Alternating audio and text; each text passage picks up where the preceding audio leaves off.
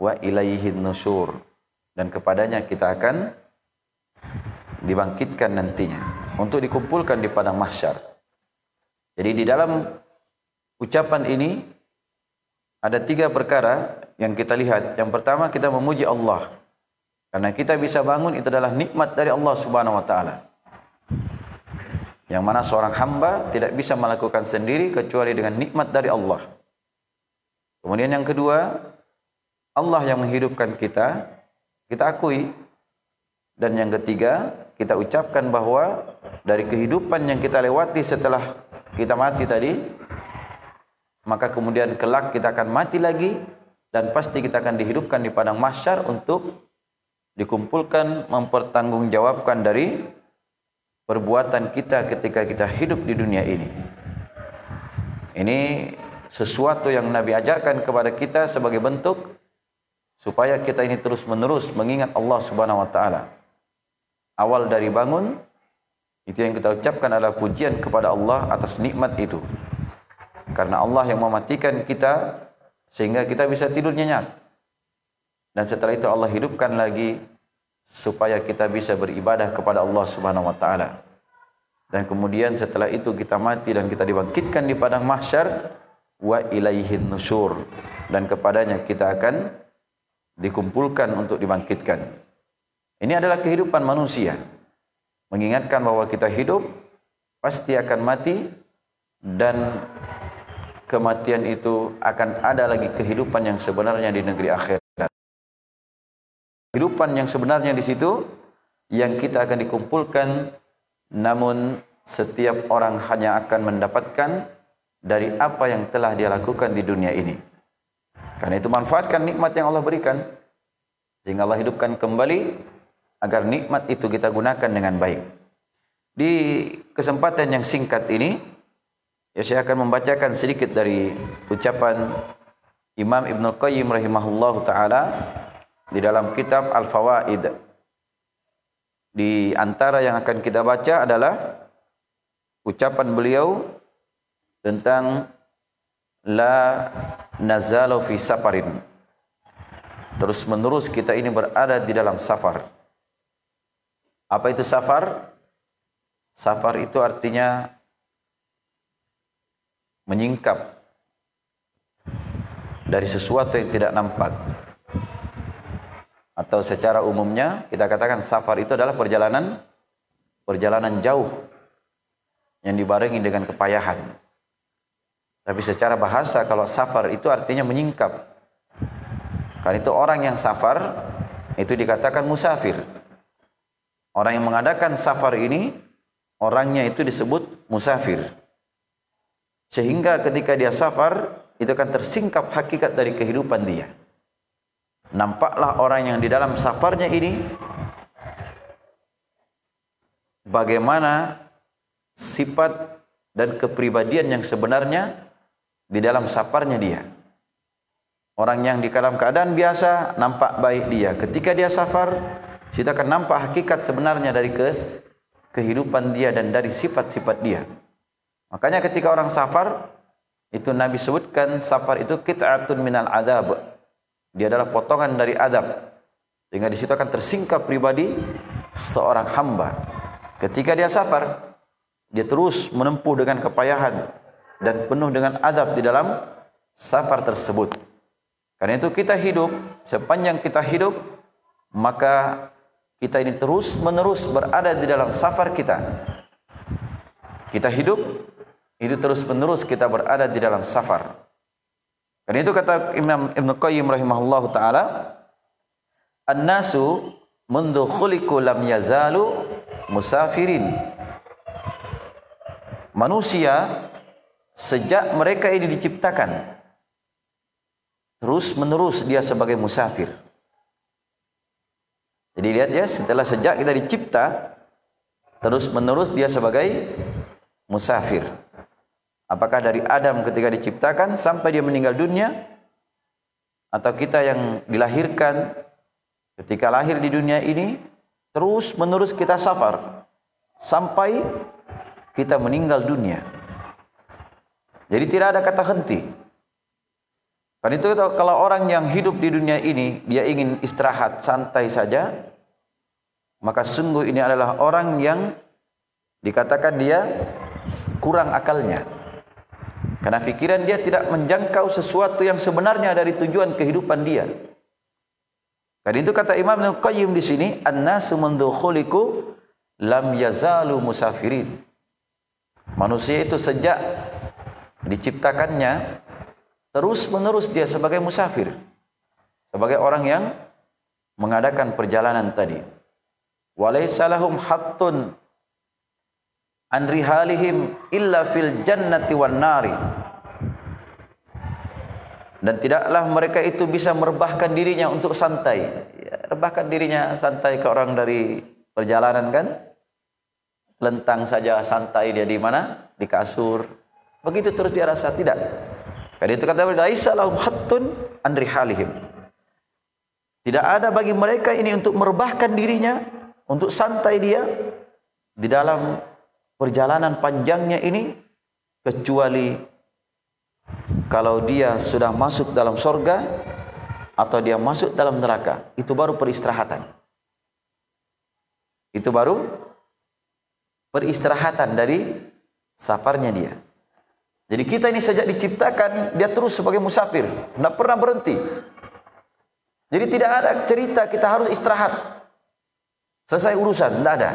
Terus dia safar sampai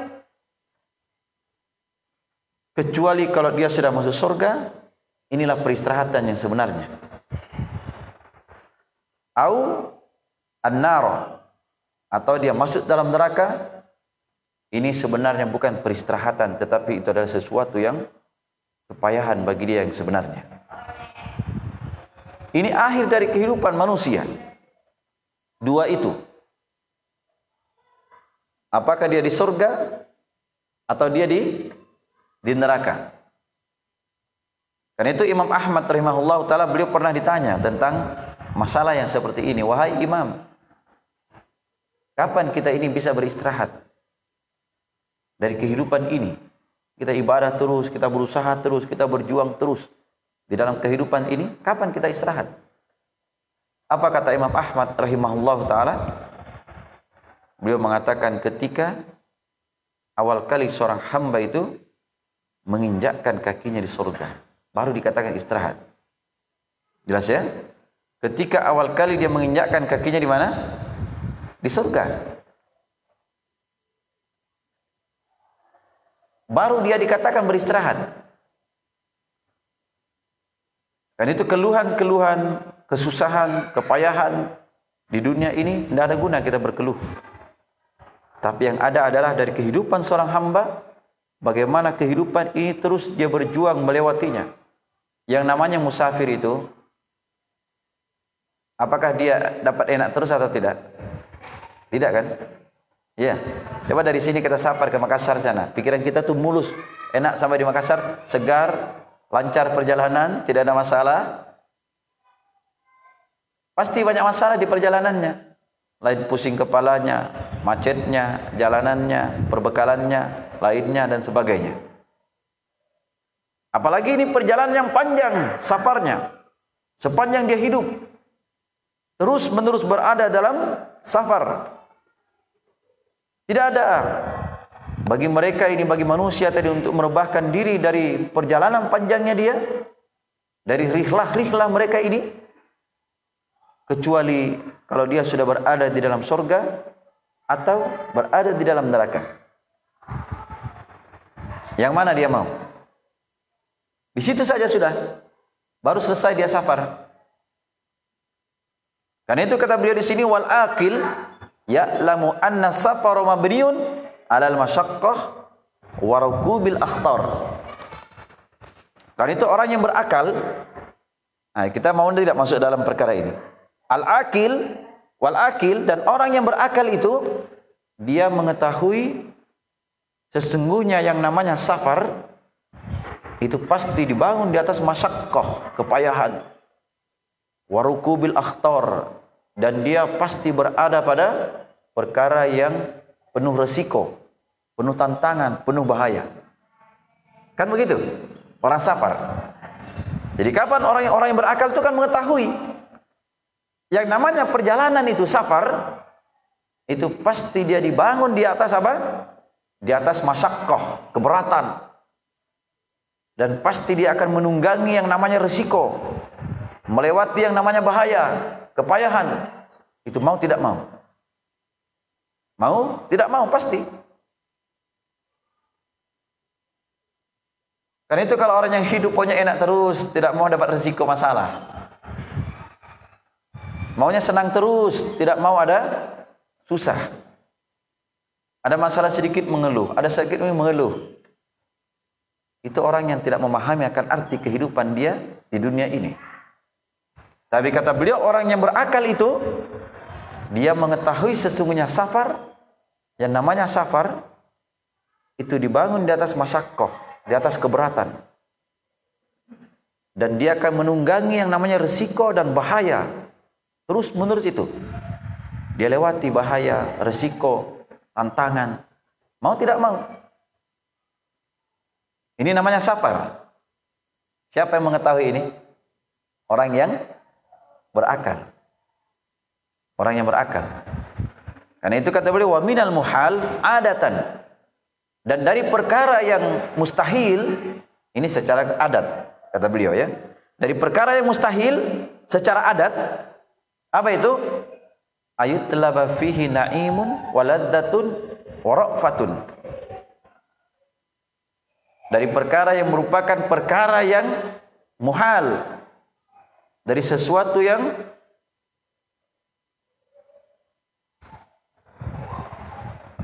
Penuh dengan apa? Dari perkara yang muhal ini secara adat sesuatu yang mustahil itu kata beliau. Ini mustahilnya secara apa ini? Secara adat. Ya secara kebiasaan sudah ini mustahil yang namanya apa? Dia menuntut pada safarnya itu kenikmatan, keledatan, ya penuh kasih sayang padanya. Tidak ada itu. Orang safar itu ada tidak? Nikmat terus. Hah? Cari saja Kendaraan yang paling enak dia safar, cari. Kamu mau dapat mobil Alphard kah yang paling enak katanya atau di atasnya Alphard lagi atau apanya lagi atau apanya lagi atau apanya lagi? Mau naik pesawat? Pesawat yang enaknya paling enaknya paling enaknya paling enaknya silahkan. Perkara yang mustahil. Ini secara kebiasaan ini. Dituntut dalam safar itu kenikmatan, Enak terus dia rasa, akan ada itu. Ini mustahil ini, nikmat terus. Atau ledat terus.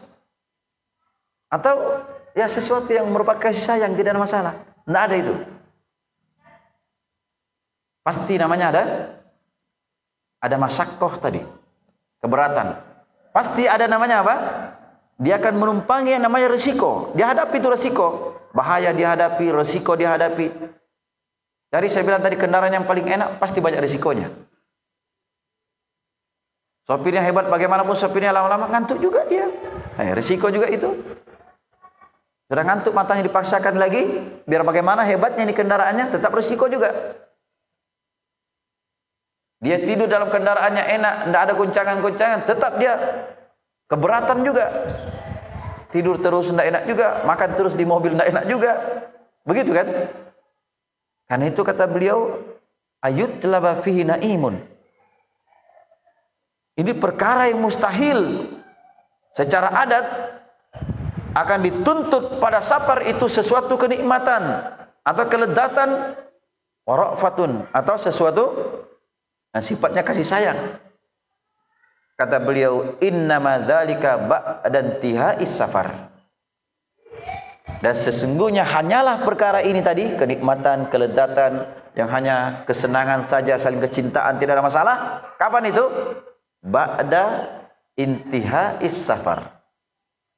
Setelah selesai safar kita. Ya. Yeah. Setelah selesai safar kita. Setelah selesai ini perjalanan, baru dia akan mendapatkan kenikmatan yang sebenarnya. Itulah di sorga keledatan yang sesungguhnya itulah di sorga yang hanya kasih sayang tidak ada dendam tidak ada benci tidak ada susah di sorga itu baru akhir dari perjalanan dia Bisa dipahami sampai di sini? Kalau kita pahami ini masih mau mengeluh kita hidup. Mau tidak mau kehidupan itu pasti banyak keluhan. Tidak ada yang namanya tidak ada keluhan. Kita lanjut ya. Masih ada sedikit. Kata Imam Ibn Qayyim. Jadi kesimpulannya orang yang berakal dia mengetahui sesungguhnya yang namanya safar itu pasti dibangun di atas kesusahan, dibangun di atas kepayahan. Dan dia pasti akan menumpangi mengendarai yang namanya resiko dan bahaya-bahaya yang pasti akan dia lewati ini. Dan dari perkara yang mustahil secara adat dia menuntut pada safarnya ini kenikmatan, kelezatan dan penuh kasih sayang. Itu mustahil itu. Kalau mau dapat seperti itu terus. Dan hanyalah perkara ini itu kenikmatan, kelezatan dan kasih sayang itu hanyalah setelah intiha is safar. Setelah apa? Berakhirnya safar kita. Kapan berakhir safar? Mati berakhir belum? Masih? Masih ya? Makanya jangan coba-coba banyak masalah bunuh diri. Ngutang sana, ngutang sini, pusing, ada penagih, bunuh diri. Selesai urusan. Tidak ada itu. Setelah mati itu safarnya masih panjang. Karena Ibnu Qayyim sebutkan tadi di awal dia akan merebahkan dirinya sudah santai setelah dia masuk surga atau dia masuk neraka. Itu akhirnya dulu. Sepanjang belum masuk surga atau neraka ini, itu belum berakhir. Mati kita masih banyak tantangan. Dalam kubur masih banyak tantangan. Banyak resiko. Kita dibangkitkan di padang mahsyar masih banyak resiko. Di padang mahsyar kita diadili masih banyak resikonya. Kita akan melewati jembatan di atas api neraka itu masih banyak risikonya. Selesai pun kita melewati jembatan di atas api neraka ini belum tentu kita masuk surga. Masih ada proses.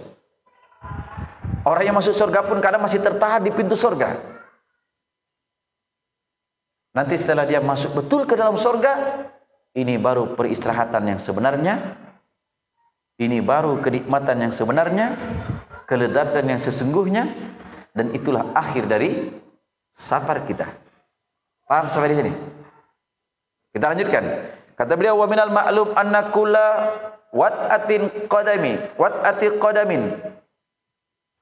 Akula adin min anati safar ghairu waqifah walal mukallafu waqif wa qad thabata annahu musafirun alal hal allati yajibu ayyakunal musafiru alaiha min nahi'ati zad al mausil wa idza nazala aw nama aw istaraha fa ala qadamil istidadi lisair selesai pembahasannya. Kata beliau dan dari perkara yang diketahui sudah. Dari perkara yang dimaklumi sesungguhnya setiap apa itu? Beban. Setiap sesuatu beban dari perjalanan setiap sesuatu beban dari langkah-langkah dalam safar ini atau setiap waktu dari waktu-waktu safar jadi setiap beban dalam safar ini kan pasti ada bebannya. Dan dari perkara ini maklumi sesungguhnya setiap beban perjalanan langkah-langkah kita ini atau setiap waktu dari waktu-waktu safar kita itu gairu wakifah. Bukanlah tempat singgah yang sebenarnya.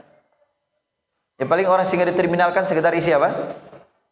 Isi perut, isi BBM. Tapi bukan tempat dia sesungguhnya tinggal lagi. Itu safar hanya singgah, singgah sekedar, sekedar singgah dia. Singgah di terminal ini, singgah sebentar. Walal mukallaf wakif dan tidak pula orang yang mukallaf, orang yang dibebani dengan safar ini akan berhenti dia. Tidak. Tidak ada kata berhenti. Karena itu kata beliau sungguh telah tetap sesungguhnya seorang musafir orang yang safar itu alal halil lati yajibu ayakunal musafir alaiha maka dari perkara yang wajib keadaan orang yang safar itu atasnya apa? Dari mempersiapkan bekal untuk sampai di tempat tujuan. Ini perkara wajib ini. Orang yang sabar, dia mempersiapkan bekal untuk dia sampai ke tujuan. Ya, untuk sampai ke mana? Ke tujuan. Itu harus dia mempersiapkan bekal. Tidak ada kata istirahat. Sholat lima kali sehari. Subuh, duhur, asar, maghrib, isya. Besok subuh, duhur, asar, maghrib. Terus begitu. Amalan yang lainnya, amalan yang lainnya. Berhenti ayah. Capek sudah ini selesai nih. Sudah sholat saya waktu kecil berhenti ini dan itu. Tidak ada. Tidak ada kata wakif. Orang yang tinggal begitu. Tapi orang yang sabar dia akan mempersiapkan bekal tambahan, terus tambahan, terus tambahan bekal untuk sampai ke tujuan. Itu bekal itu yang kita persiapkan supaya kita menikmatinya di situ. Bukan hanya sekedar kita sampai enak, tapi kita mempersiapkan bekal supaya sampai kita dan bertambah kenikmatan itu. Kita nikmati dari hasil safar kita. Ya. Kan itu orang yang hidup bukan hanya pikirnya yang penting saya masuk surga, tapi dia berpikir bagaimana masuk surga, dia dapat surga yang tertinggi, surga yang paling nikmat, derajat yang tertinggi. Kalau seorang hamba itu berpikir pokoknya saya hidup mau masuk surga, itu kekurangan. Masih kurang. Paham ya? Kemudian kata beliau, wa idza nazala au nama au istaroha. Maka jika dia nazala, dia turun untuk apa? Dia turun untuk bermalam di satu tempat misalnya. Au nama atau dia mau tidur. Au istaroha atau dia beristirahat. Kan namanya safar perjalanan terus. Kemudian dia turun di suatu tempat untuk bermalam. Kemudian dia tidur di situ. Dia istirahatkan badan dia dari saparnya dia. Apakah ini cukup? Tunggu lanjutannya. Fa'ala qadamil istidadi lisyair. Dan ini merupakan perkara langkah untuk mempersiapkan perjalanan selanjutnya.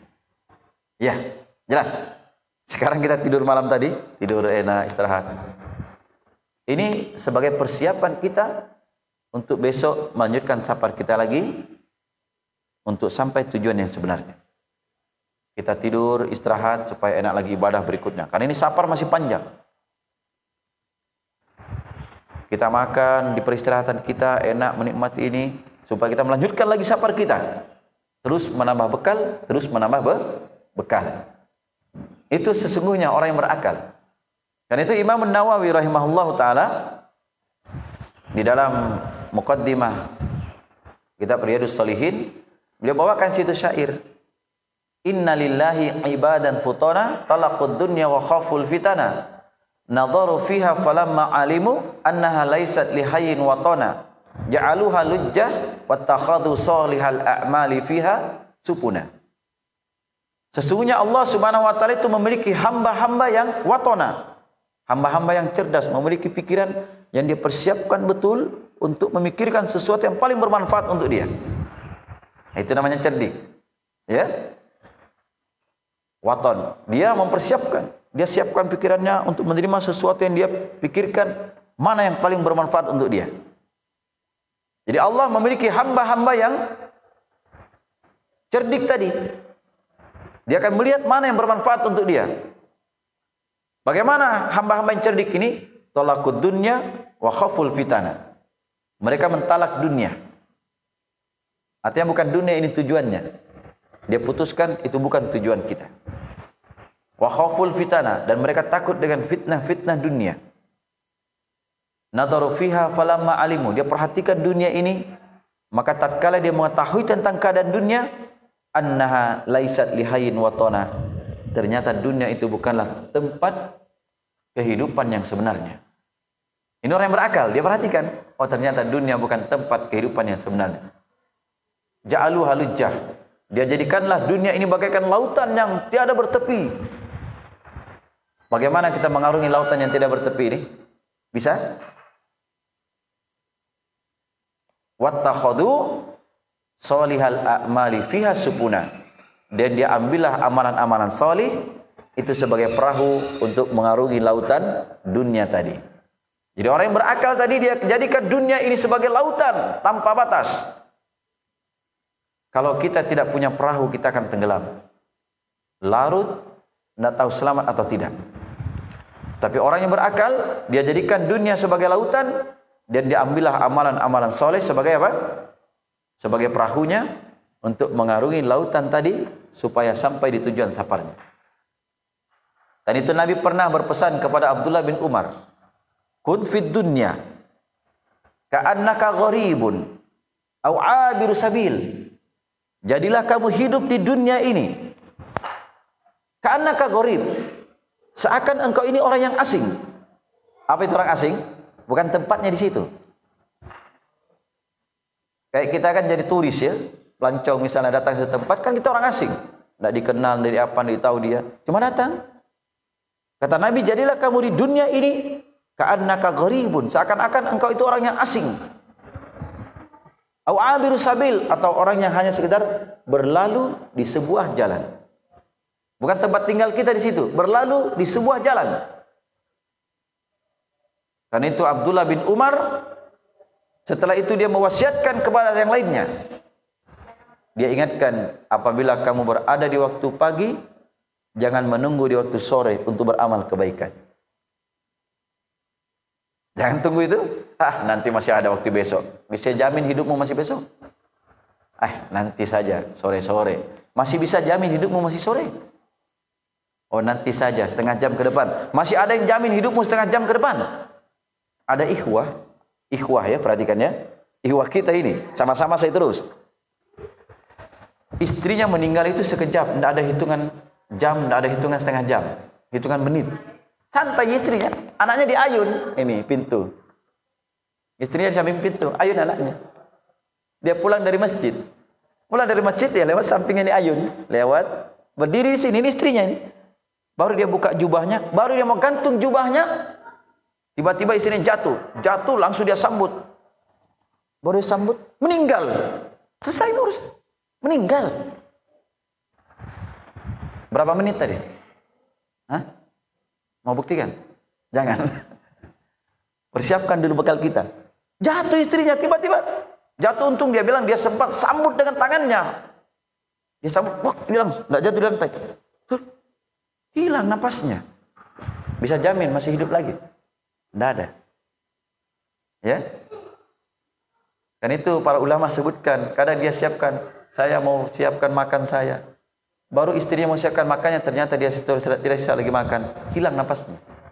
Hilang ruhnya dia dicabut sudah. Karena itu kata Abdullah bin Umar, jika kamu berada di waktu pagi, jangan menunggu waktu sore. Jangan ditunda-tunda itu berbuat kebaikan. Jika kamu berada di waktu sore, jangan kamu tunda untuk sampai pagi lagi besok. Gunakan masa renggangmu sebelum masa sulitmu. Gunakan masa sehatmu sebelum masa sakitmu. Ini orang yang berakal. Karena itu kehidupan kita di dunia ini terus menerus safar dan pasti yang namanya safar itu pasti dibangun di atas kesusahan, kepayahan, penuh resiko. Kita menuntut kelezatan tidak akan dapat kelezatan sebenarnya. Kita menuntut kenikmatan tidak ada kenikmatan sebenarnya. Kita menuntut Kasih sayang terus kita dapatkan, saling cinta, saling senang terus tidak ada kita dapatkan. Perkara yang mustahil. Perkara yang mustahil. Di dalam safar kita kata beliau, hanyalah itu akan didapatkan ba'da intihais safar. Setelah berakhir perjalanan safar kita di dunia ini, kalau sudah masuk mana? Masuk surga. Kalau masuk neraka apa yang terjadi? Semakin parah. Semakin parah. Jelas ya? Ya semoga Allah SWT mengampuni kita dan memberikan kekuatan kepada kita melewati safar kita di dunia ini terus menerus mempersiapkan bekal dari amalan-amalan soleh kita dan semoga Allah menjadikan akhir dari perjalanan kita itu adalah sorga yang penuh dengan kenikmatan dan kita dikumpulkan bersama para nabi dan para rasul di sorga yang paling tingginya. Amin. Ya Rabbal Alamin. Barangkali ini jamaah sekalian, kurang lebihnya saya mohon dimaafkan. Subhanakallahumma wa bihamdik asyhadu an la ilaha illa anta astaghfiruka wa atubu ilaik. Walhamdulillahi rabbil alamin.